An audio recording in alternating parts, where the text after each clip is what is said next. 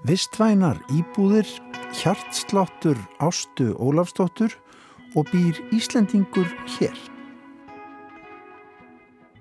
Í sumar var tekinn skóplustunga að nýjum vistvænum íbúðum fyrir ungt fólk í Gufunesi.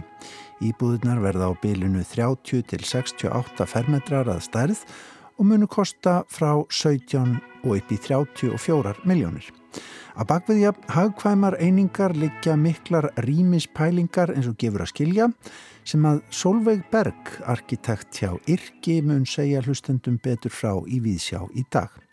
Við segjum ykkur líka frá bók Vikunar á rás eitt að þessu sinni en nú er það bókin Býr Íslandingur hér, minningar Leifs Muller, skráðar af Garðari Sverri sinni.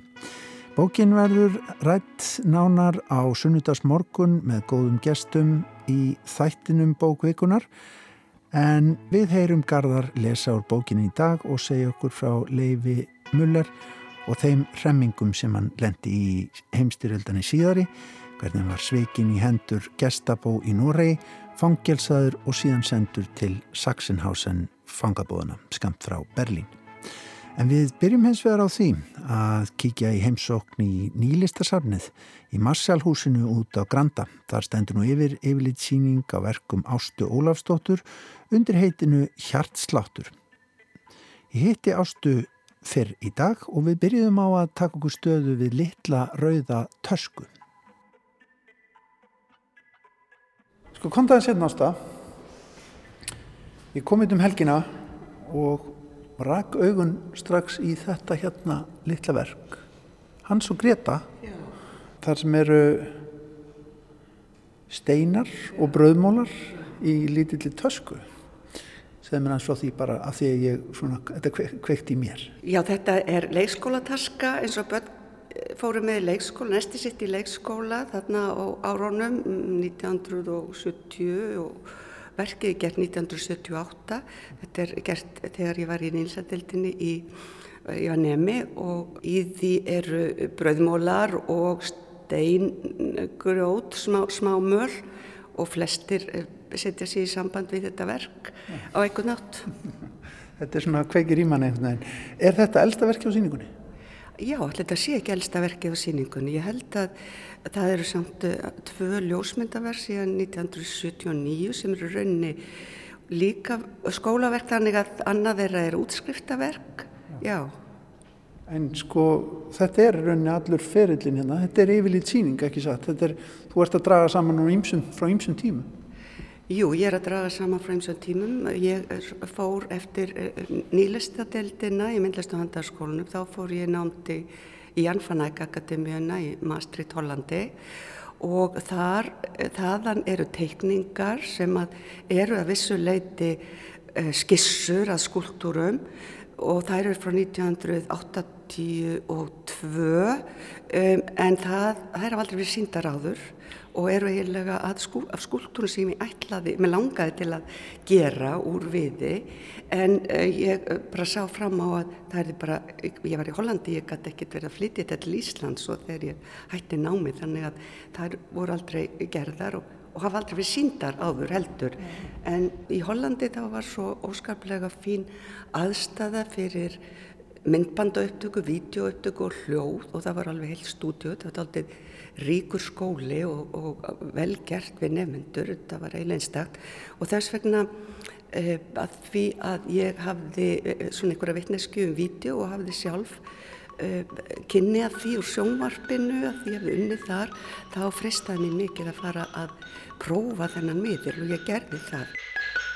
Ascend is a stone and a cliff and a mountain if you like to think so. Og var síðan sem satt með annan fótinn í stúdíónu þarna og gerði hljóðverk líka svona söng og það var mjög gaman og ég sem sagt tæknin var aldrei partur af minni nefndavinnu þar en svo fór ég aftur í skúltúrana svona því að hér á Íslandi, þegar ég kom til Íslands þá var ekkert það var engin möguleiki að komast, það voru ekki videotæki, það var engin videokensla, það var ekkert sem að, það voru bara auð 20 ár þarna á Íslandi ja. meðan allt var á fljúandi fart í video í Evrópu og Bandaríkjónum og Kanada og svona, ja. Japan og svo.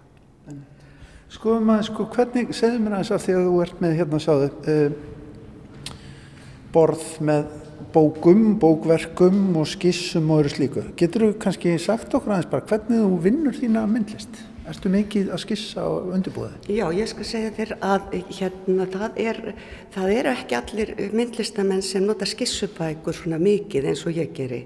Ég, sko, þetta er allt saman meira og minna form, einhvern veginn sem eru í hausnum á manni og, svo eh, takaðu utan á sig eitthvað fleiri form og efni og, og síðan þarf maður að eh, hugsa hvað, hvað svo og bætir við og finnst þetta flott, já þetta get ég nota og svo framist. Þannig að það fer allt meir og minna sem fer í gegnum heilan á mér sem er myndlistarlegs eða sjónrænt, það fer í skissubækurna mínar og ég á alveg gommu að þeim og einhvern tíman var ég að velta fyrir mig hvort ég get ekki farið að selja bara hugmyndir.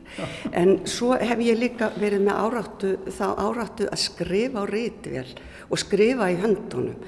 Það er eitthvað sálrænt fyrirbriði til þess að losa sig við það þekkja hann og margir þess að eh, minna fólk hefur skrifað dagbækur. Ég skrif ekki dagbækur, beinlinis en ég skrifa bara eins og aðrir gera æfingar á píano eða eitthvað þess aftar þannig að það bara, nákvæmlega, ég ætla ekki að sínda neinum. Nei. þannig að þetta fer bara á velutuna blada fjóra. Fyrst var þetta skrifað með höndunum síðan kom reytvelin og síðan kom tölvan. Og ég er, myndi ég segja voðalega fljót, ég er nú lært velutun en fljót að velita eða eða spila á tölvuna mm. þannig næstu því á undan hugsunni þannig að ég geri þetta og hef gert þetta, þetta er nú aðeins að hætta núna mm.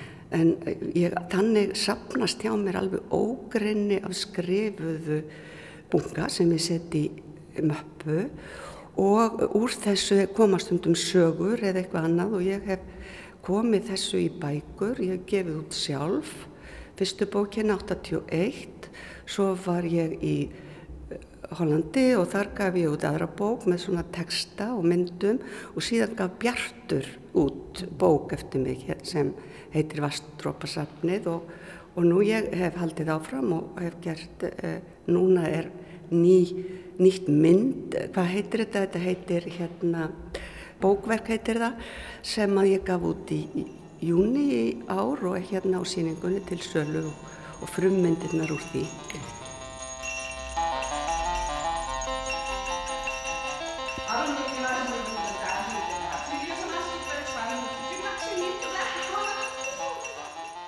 maður hérna reykur augun aðeins ofan í þetta. Ég var til dæmis að skoða þetta hérna í gær. Orðavitt, laus orð. Víð orð, víðförul orð. Orðasúpa allt þetta sem við verðum að tala um orði í lausu, drastlið í kringum okkur orð, orð, orð Já. hér allavega og Já. þú tala mikið um orð og það að skrifa en síðan þegar við komum hérna inn í þetta rými skoðum, skoðum sko þessa stór, ég menna stóru miklu marga skúldúra sem hér eru e, liggja orð að baki þessu það er að segja, er hugsun á bakvið verkin sem er tengt tungumál? Nei Alls, alls ekki. Það er alls ekki svo leis og það er það sem mér hefur sjálfs runn alltaf fundið svo makalöst en það hefur eitthvað með heilan og heila kvelin að gera að orð og uh, sjónrænt tungumál þau bara tengjast engan veginn.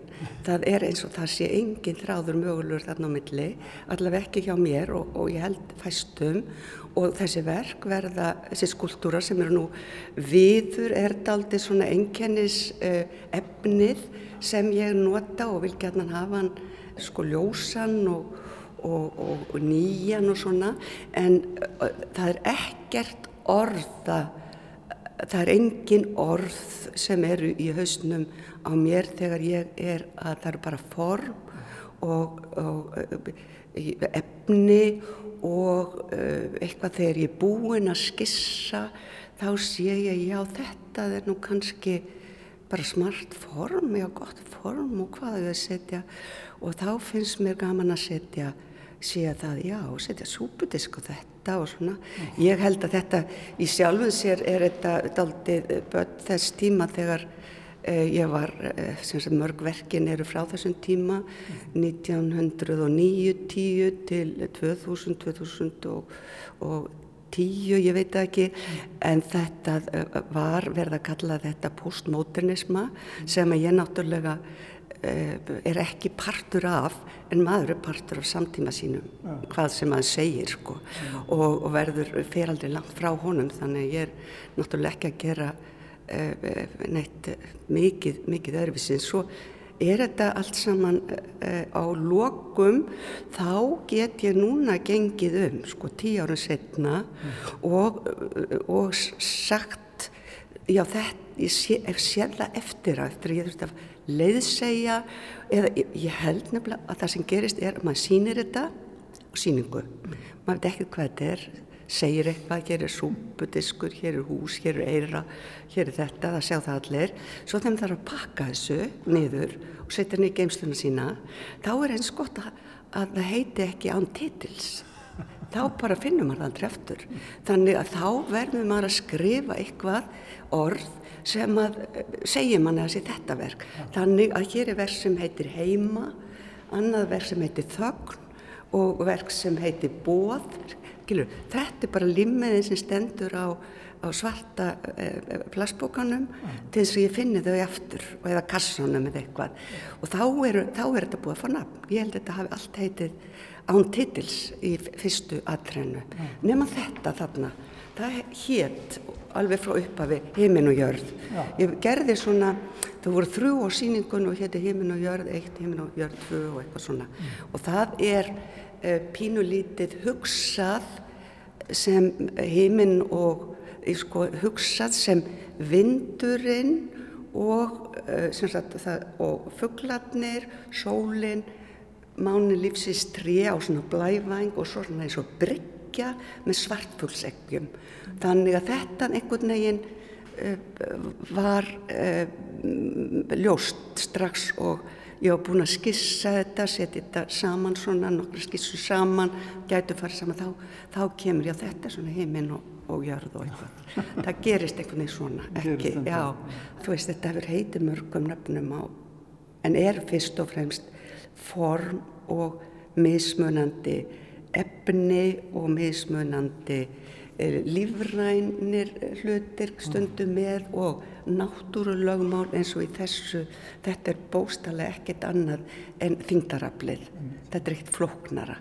Sko, manni finnst þú kannski gefa þetta aldrei úr og í með eitthvað sem að maður gæti tólkað sem einhvern innri symbolisma verkana finnst þú svona yfirleitt er þetta bara eins og segir áferð og efniskend en, en það er stundum að vill fara að lesa eitthvað Já. einhverja dýbri mörkingu Já, ég vil það líka sko. ég vil það líka það allir mega það, allir alltaf í öllri myndlist, þá mega alltaf allir sjá yes. það sem þeir vilja og það er það sem að uh, myndlistin er og leifir, Já. en al, ég alveg eins og aðrir þá veldi ég þið fyrir mér þegar ég er búin að þessu sem sagt, ég vil helst ekki að fólk klóri sér í hausnum og segja þetta er mér að ruggleið sko, það er eiginlega ekki gaman, ég vil að fólk sem horfir á svona leitað einhverju það eitthvað, eitthvað hefði til þeirra. Og þá er það bara eins og að eitthvað hefði til mín. Mm -hmm. það er ekki, þetta er bara við erum í sömu uh, sama stað á, á sömu menningu og, og þessar geðingakökur sem þarna eru uh, náttúrulega það skilur það ekki nema Íslendingar á, á, á mínum aldrei sko ja. hvaða merkingu er hafa er hafa enga sérstaklega merkingu í þessu verki en er tala til okkar allra sem að Þetta er gýðingakökur hann á golfinu? Já, þetta heita, héttu gýðingakökur í mín undæmi já. og það var okkur einasta heimili sem að þetta var gert gýðingakökur, það eru settar svona hring sko þannig að í sjálfum sér þá er þá er, held ég oft eitthvað sem fólk minn þetta er náttúrulega aldrei myndur að setja þér á, á dúka golfinu í Íslandi en þetta eru fyrst og fremst hringform. Þetta er fyrst og fremst mörg, mörg, mörg ringform fyrir mér. En allavega þetta er svona daldil æska okkar allra á mínum aldri að það voru hverju einasta heimili gýðingakökur og, eh, og öll, við sem börn á mínum aldri við, það var það fyrsta sem fengum að gera, sem þetta jólaundibúningi, það var að setja þarna möndlublönduna ofan á sko þegar það var búið að, mm. eða setja glasið yfir. Þannig að þetta hefur Eh, þetta er, eh, þetta er ekki til þess að eh, gera það en þetta er ekki, fólk kemur ekki og segir þetta er nú meira rugglið sko þegar það kannast við eitthvað. það er eitthvað neginn svo leiðis og það er partur af þessu að ég, ég get sjálf ekki hort á eitthvað sem að mér finnst algjört rugg ég vil gerna tengi eitthvað. En, en sko af því að þú kemur heim þannig að rétt fyrir 1980 ert í námi þá uh, kemur svo heim og það er auðvitað þessi ný lista bilgja aldrei á Íslandi á þessum tíma og svo eins og þú sagðir áðan þá tekur þessi svona postmoderníski tími við eftir 1990 uh, hefur það verið, er þetta gott tímabild þess að starfa sem myndlistamæður á Íslandi, hefur þetta verið sko svona, já, göfult umhverfi til dæmi sem þú hefur unnið, innan? Sko, ég, nei, það myndi ég aldrei, aldrei ekki segja. Ég held að það hafa aldrei verið góður tímar á Íslandi við að vera myndlistamæður því miður, en þegar, og heldur ekkit að við að vera ung manneskja eða kona að koma á námi því að þú kemur til Íslands og þú átt ekki neitt og þú færð ekki neitt þannig að þú getur ekki einu sinni alveg eins og í dag, þú getur ekki einu sinni leiktir íbúð í bænum því þú átt ekkert og ég fór á Akranes að kenna í grundaskóla og gerði það í tvö ár til þess að geta síðan fluttir Reykjavíkur og, og, og búið hér og verið hér með fjölskyldu minni, ég er fættu uppalinn í Reykjavík og vinum sem eru flestir hér. Ég myndi segja að umhverfi okkar myndlist, við myndlistamenn sem erum á Íslandi og höfum verið og jafnvel tvær þrjár kynnslóðir svona í kringum mig erum eh, alveg ofabóðslega gott og stert samfélag.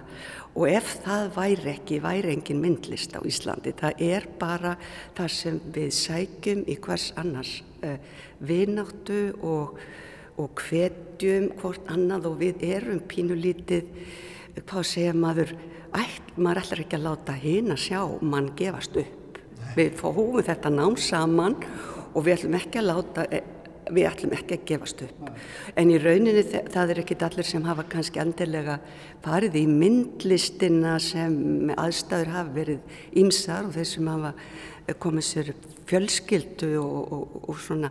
En allir er að vinna einhver staðar innan myndlistar í skólunum eða Eh, þú veist, það er bara, þetta er einn stór svakalega upplögur hópur af vinum sem að þekkist fyrir að hvort síningar sko er bara eh, já, ég veit ekki hvernig á að segja það en það er ekki, hefur ekki verið uh, ríki eða fjármálunum að þakka að við höfum þrauka þetta þótt að við þraukum þetta vegna þess að þetta er að skemmtilegt sem við gerum, þetta er sem við viljum gera og, og, og við hefum ákveðið að eða tíma okkar í, við ætlum að hafa það skemmtilegt í lífinu og það tekst. Saði Ásta Ólafstóttir, myndlistarkona, um síningu sína hjartsláttur, yfirleitt síningu í nýlestasafninu í Marsjálfhúsinu úti á Granda. En hjartslátturinn já, í gær var borin til gravar eftir erfið veikindi. Hallfríður Ólafstóttir, flautuleikari, fyrsti flautuleikari Symfóníu hljómsveitar Íslands til margra ára. Hallfríður var ötul baróttukonna þegar kom að tónlistinni. Hún lagðist til dæmis sjálf í rannsóknir á því að grafa upp tónlist glemdra kvenn tónskálda úr tónlistasögunni og var í farabrótti fyrir Kítón samtök kvenna í íslenskri tónlist.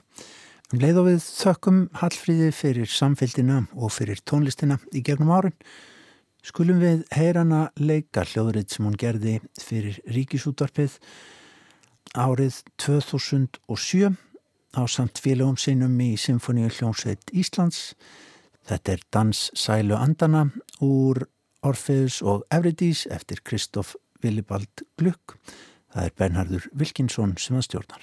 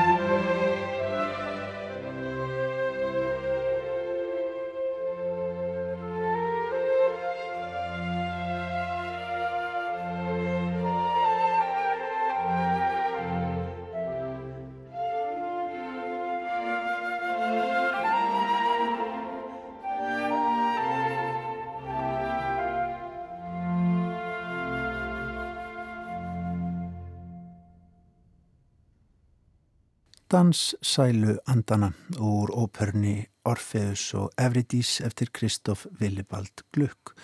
Þarna var það Hallfríður Ólafstóttir heitinn sem að leka á samt félagum sínum í Symfóníu hljómsveit Íslands Hallfríður borinn til gravar í gær. En bók vikunar að þessu sinni hér á rás 1 er bókin Býr Íslandingur hér, minningar Leifs Muller, skrásettar af Garðari Sverri sinni. Bókin þykir einn áhrifamesta æfisaga síðustu áratuga sem er komið hefur út hér á landi. Hún geymir sögu Leifs Muller, kaupmannssonar úr Reykjavík sem að fættur var 1920 og hjælt út í heim Korn Ungur, nokkru áður en að setni heimstyröldin bröst út.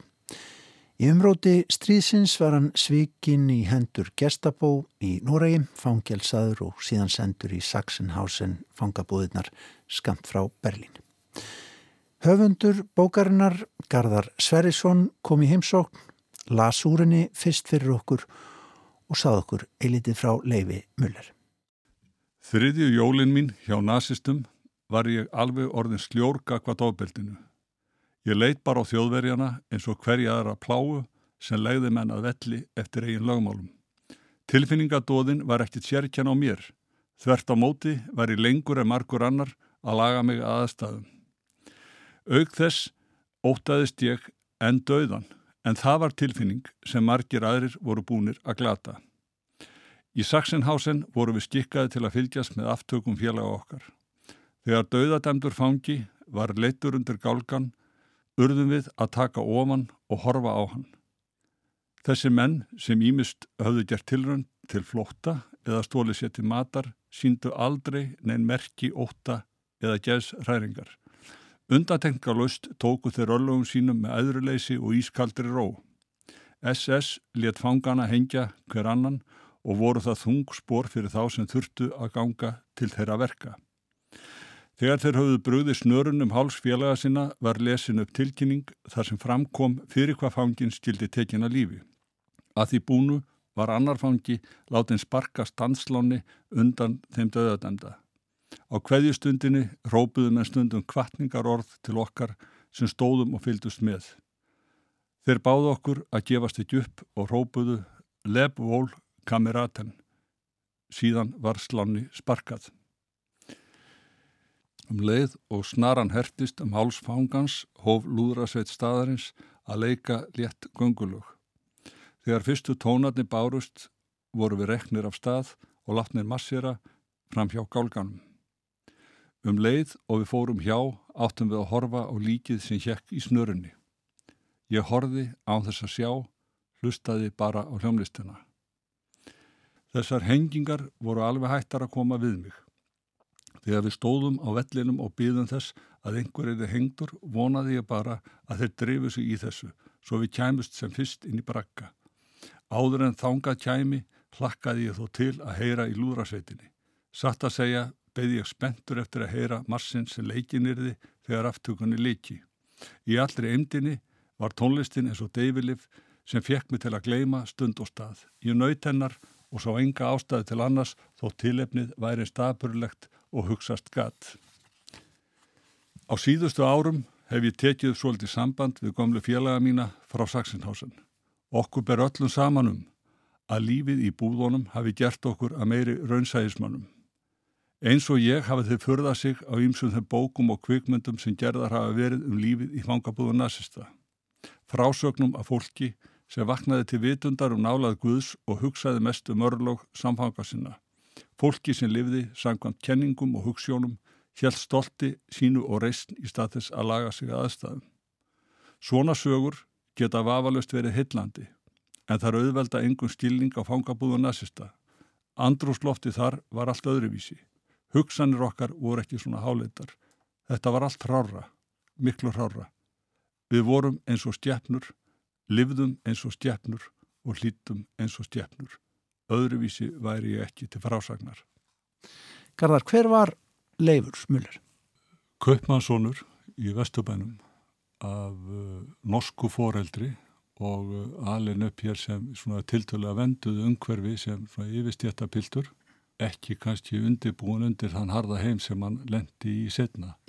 Og það er eins og við heyrðum hérna á þessum lestri, heldur betur harður heimur, uh, hann fer í þýskar fangabúðir sem fangi. Hvernig gerist það? Það er einfallega þannig hann er að reyna að hann hundsar hættuna, hún finnst bara eitthvað spennandi verið að gerast og, og rauninni er engin, engin andósmaður eða neitt, Nei. Eh, hefur enga sérstaklega ópólitískur til tölulega og uh, fer ekki með petsamá eins og hann böðst en verður þreyttur á herrnámanu eins og margir aðrir, það er skortur og harðræði og ímislegt í þá veru og hyggst fara með hjálp Viljáms Finnsen í gegnum Svíþjóð og fer undir því yfirskinni að fær skólavist í, Svíð, í, hérna, í Svíþjóð mm. og þeir koma staði að, að þetta er yfirskinn og hann er handtekinn og venjuleg refsing fyrir það gatt verið alltaf þryggja mánuða hangelsi en þetta voru næri þrjú ár hjá honum. Nú er uppistæðin í bókinu náttúrulega lýsing á þessum búðum og lífinu þar og eins og við heyrðum á hann hvernig eiginlega maður missir sansin fyrir því hver ræðilegt þetta er maður fer einhvern veginn að lifa með því á einhvern nátt mm. uh, sko svona sem heimild um líf í á staðins og þessum hvernig, hvernig sögumæður er leifur þegar tilkymur sko hann er kannski ekki mikil sögumæður en hann er hérna hann er svona tröstur trúverður sögumar og vill hafa hlutina korrétta. Mm -hmm. Við mhm. fórum saman til Þýskaland undir hans leiðsögn og þessum við fórum á slóðurnar og halaði mikið upp úr því að ég hitti þá fyrir um braggafélaga sem voru enn á líf í Noregi mm. og uh, ég vildi svona kafundur yfirborðið og mér fannst eins og mér tækist það ekki, það var einhver fyrirstaða. En uh, þegar ég kynntist þessum, þessum félagum hans þá fann ég að þau töluðu allir eins um hlutina, þeir töluðu um þetta hlutlösan hátt. Eh, þeir komist ekki við eða neitt í þá veru heldur töluðu um þetta bara sem svo kaldan veruleika. Þá gerði ég mig grein fyrir því að þetta var ekki leifur, þetta var, það var ég, það var bí, hug, mínar hugmyndir kannski úr bókum og bíómyndum eða eitthvað slikt sem að, sem að hérna, eins og hann segir sjálfur að þetta eru oft eh, glansmyndir, oft er þetta skrifað af fólki sem ekki reyndi þetta í eigin skinni mm -hmm. en uh, allavega hann það var nótt til þess hann var orðin veikur af sjúkdómi sem að dróða svo til döða og uh, láð þarna banalegun eftir að við komum heim þannig að bókin var að mestu skrifuð og ég skrifa hann í fyrstu person eftir að hann fellu frá mm. hann hafði í lok stríðsins þá var Hestet Pálsson reistjóri vísisfengin til að rita bók þar sem var lagt mikið upp úr fréttagildi. Þetta er bara gert á nokkru vikum í ágústmánuði 45 bara komið strax, já, komið í september og, og, og kynnt á á hans nafni, Leifs. Mm. en uh, þarna hann var hamleipa til verka herstinn og gerði þetta á stuttum tíma og auðvitað hafði það gríðalegt réttagildi á sínum tíma. En þar heldur hann sig sem sagt uh, og lýsið sem áhorfandi ja. tilgangu bókar en kannski slíkur og uh, eftir á higgja við ljósið þess sem hann segir mér og kemur fram þessari bóka þá er þá var hann ekki tilbúin og það er óhugsandi að já, bæði fyrir hann að tala um þetta og líka náttúrulega móttöku skilir eh, verið en engin eh, hérna á Íslandi.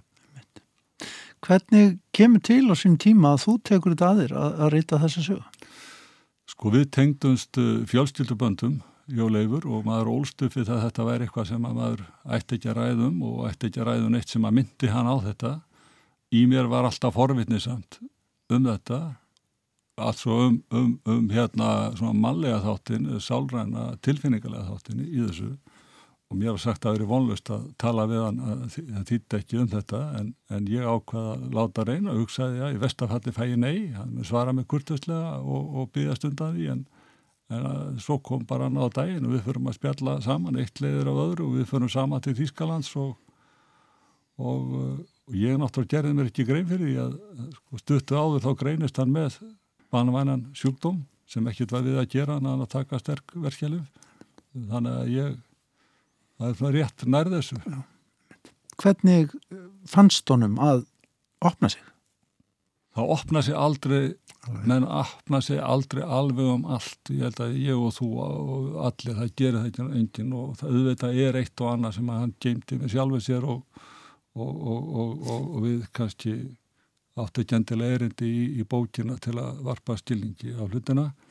En eh, hann alltaf bar sig vel en eh, það kom fyrir að við vorum búin að ráðgjera að tala saman í 2-3 tíma og þá kom upp yfir klukkutíma þá fór hann að tala um að hann væri þreyttur og annaði þetta úr og ég gerði mig grein fyrir að það var ekki það var ekki alltaf svo að það væri þreyt að það var eh, umræðefni brennlega lagðist og þungt á hann.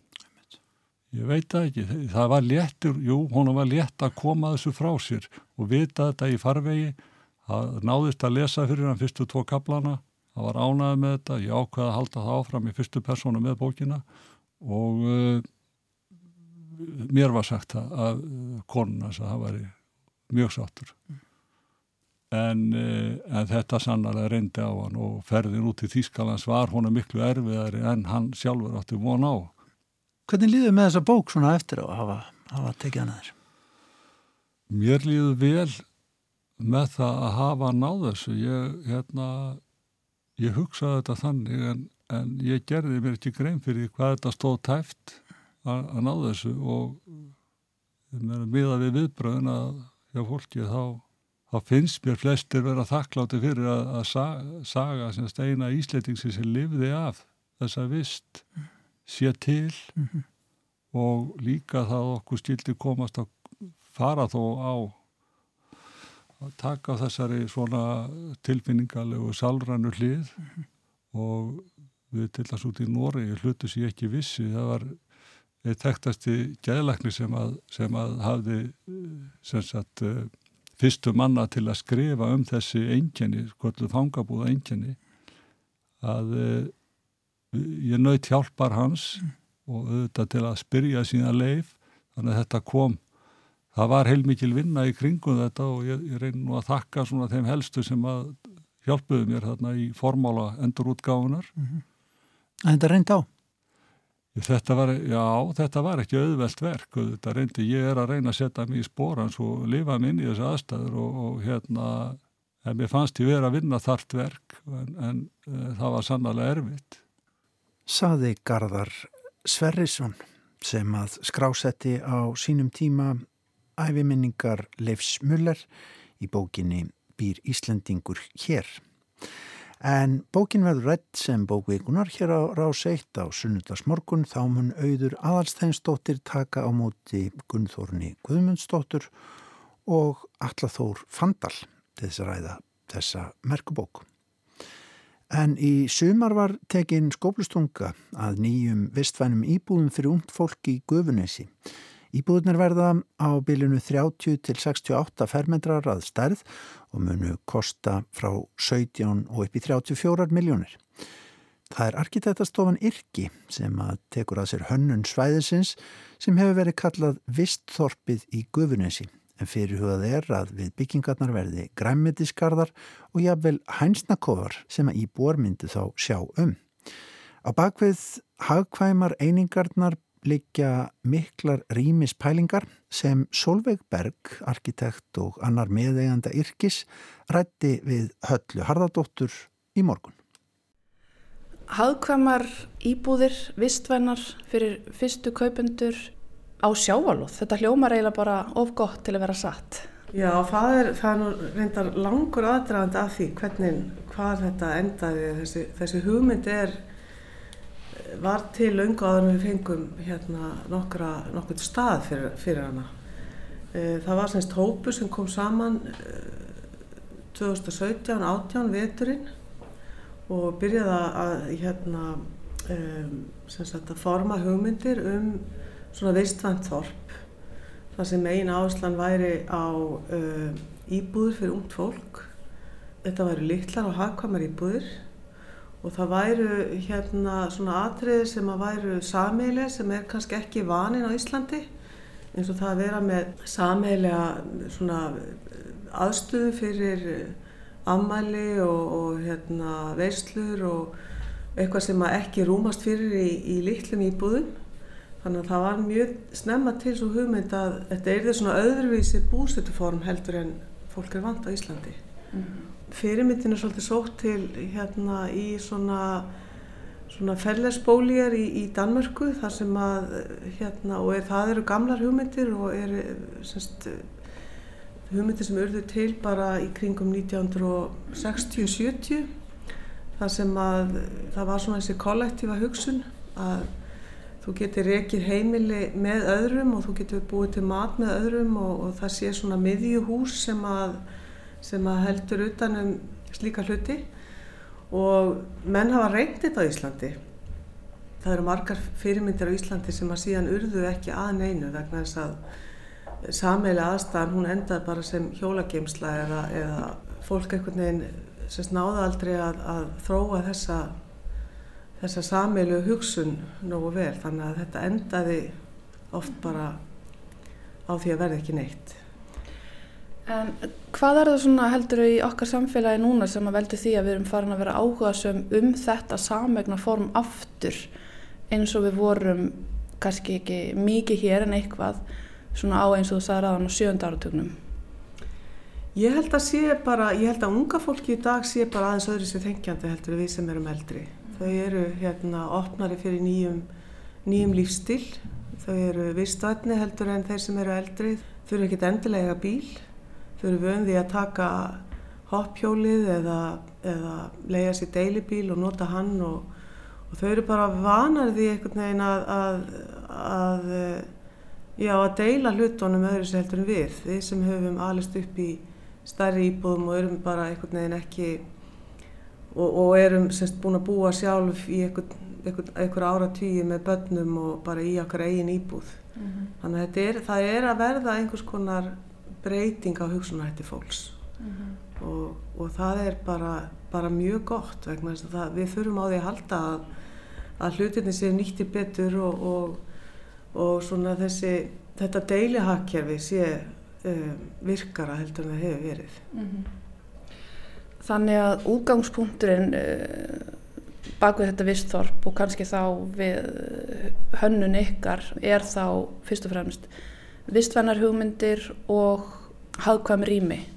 Já, hún, það, það, er, það eru kannski einhvern orðin en, en það sem að gerist í, í þegar maður er að, að þarfa um, það eru þetta búið að, að setja ákveði verð á íbúðunar og það setur skorður við það hvernig, hvernig við hennum þetta og það sem við hefum gert að við hefum búið til svona eins konar módul eða einingu sem að er alltaf, alltaf eins. Og til dæmis er sameiginlega rýmið í íbúðunum, það er stofa og eldús í einu svona allrými og það er alltaf eins í öllum íbúðum, hvort sem þetta eru tveggja, þryggja, fjárherbyggja íbúðir. Og það er allt óþarfa pláss, það er skori burt.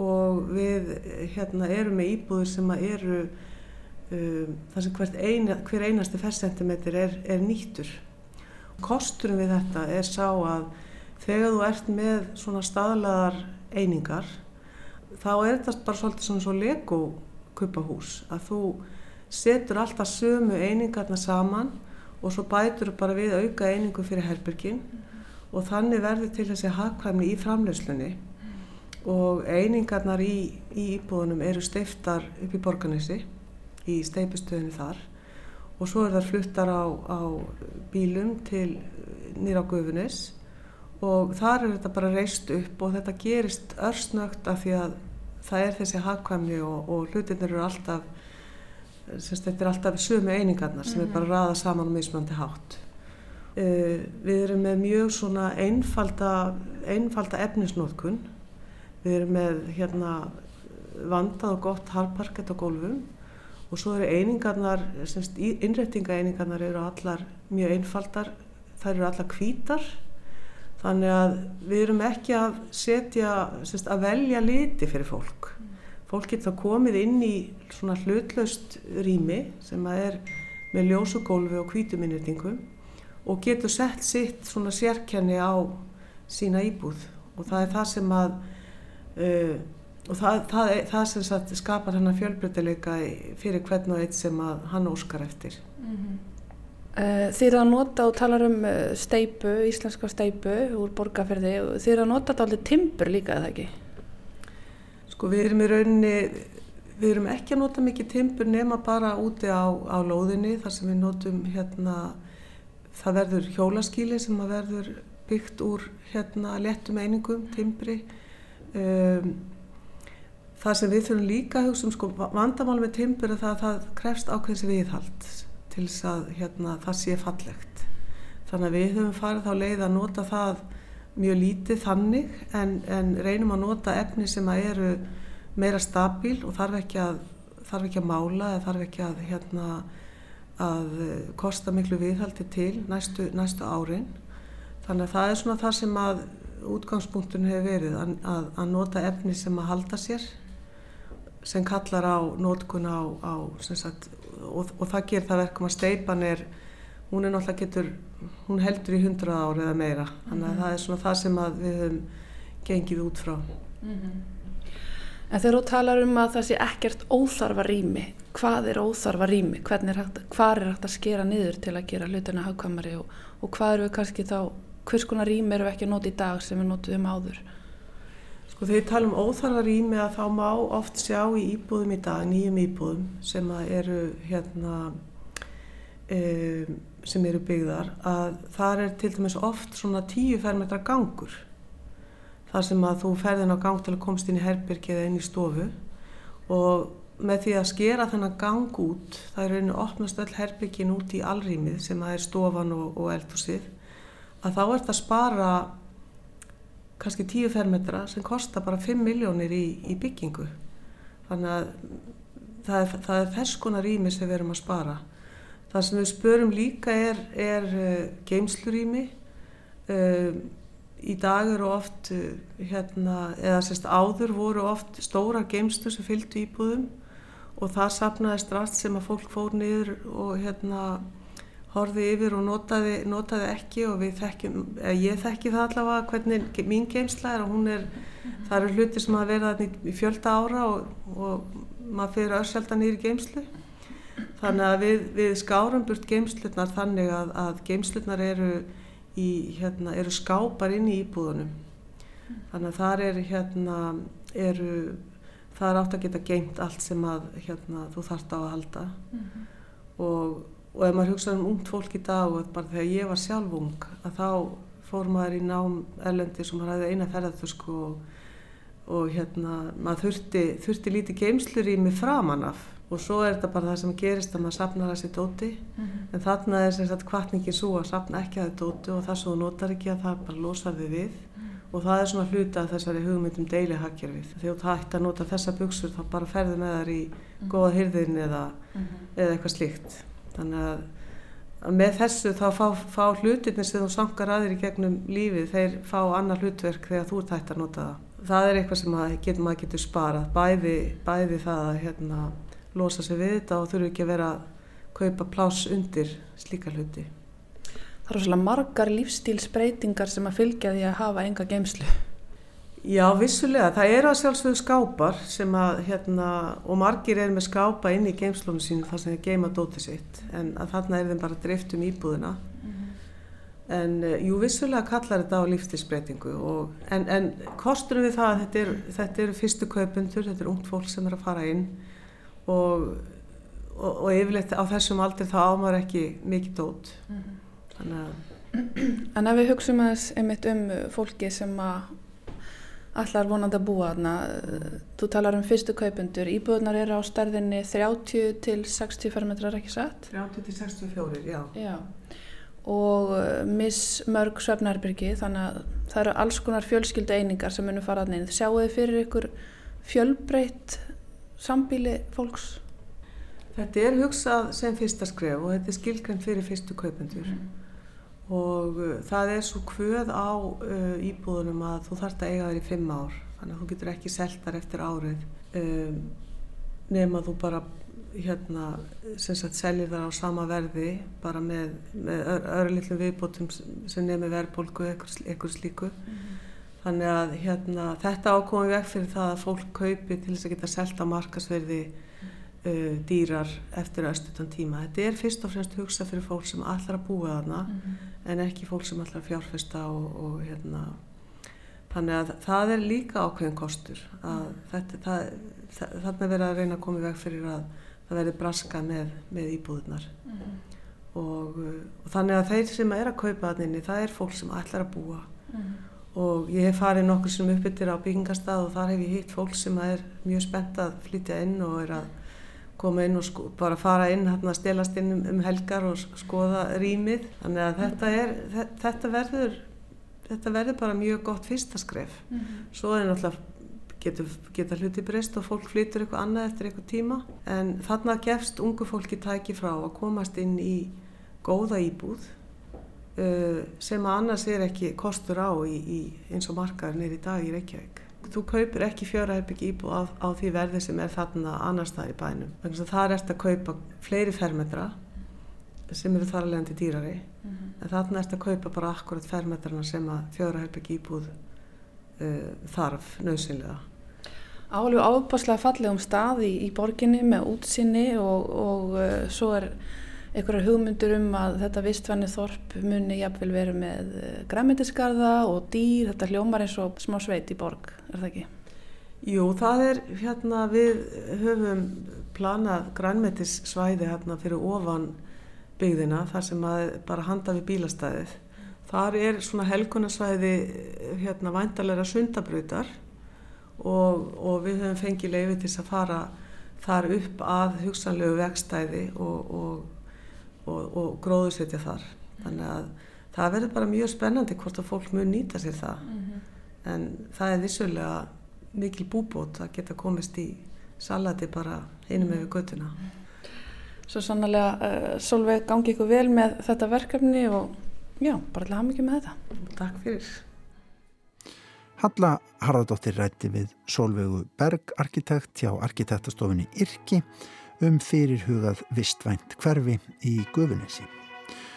Og svona ágætu hlustendur ætlum við að ljúka við sjá í dag. Við verðum hér aftur á morgun á ráseitt klukkan 16.05 á okkar venjulega tíma. Takk fyrir að hlusta. Verðið sæl.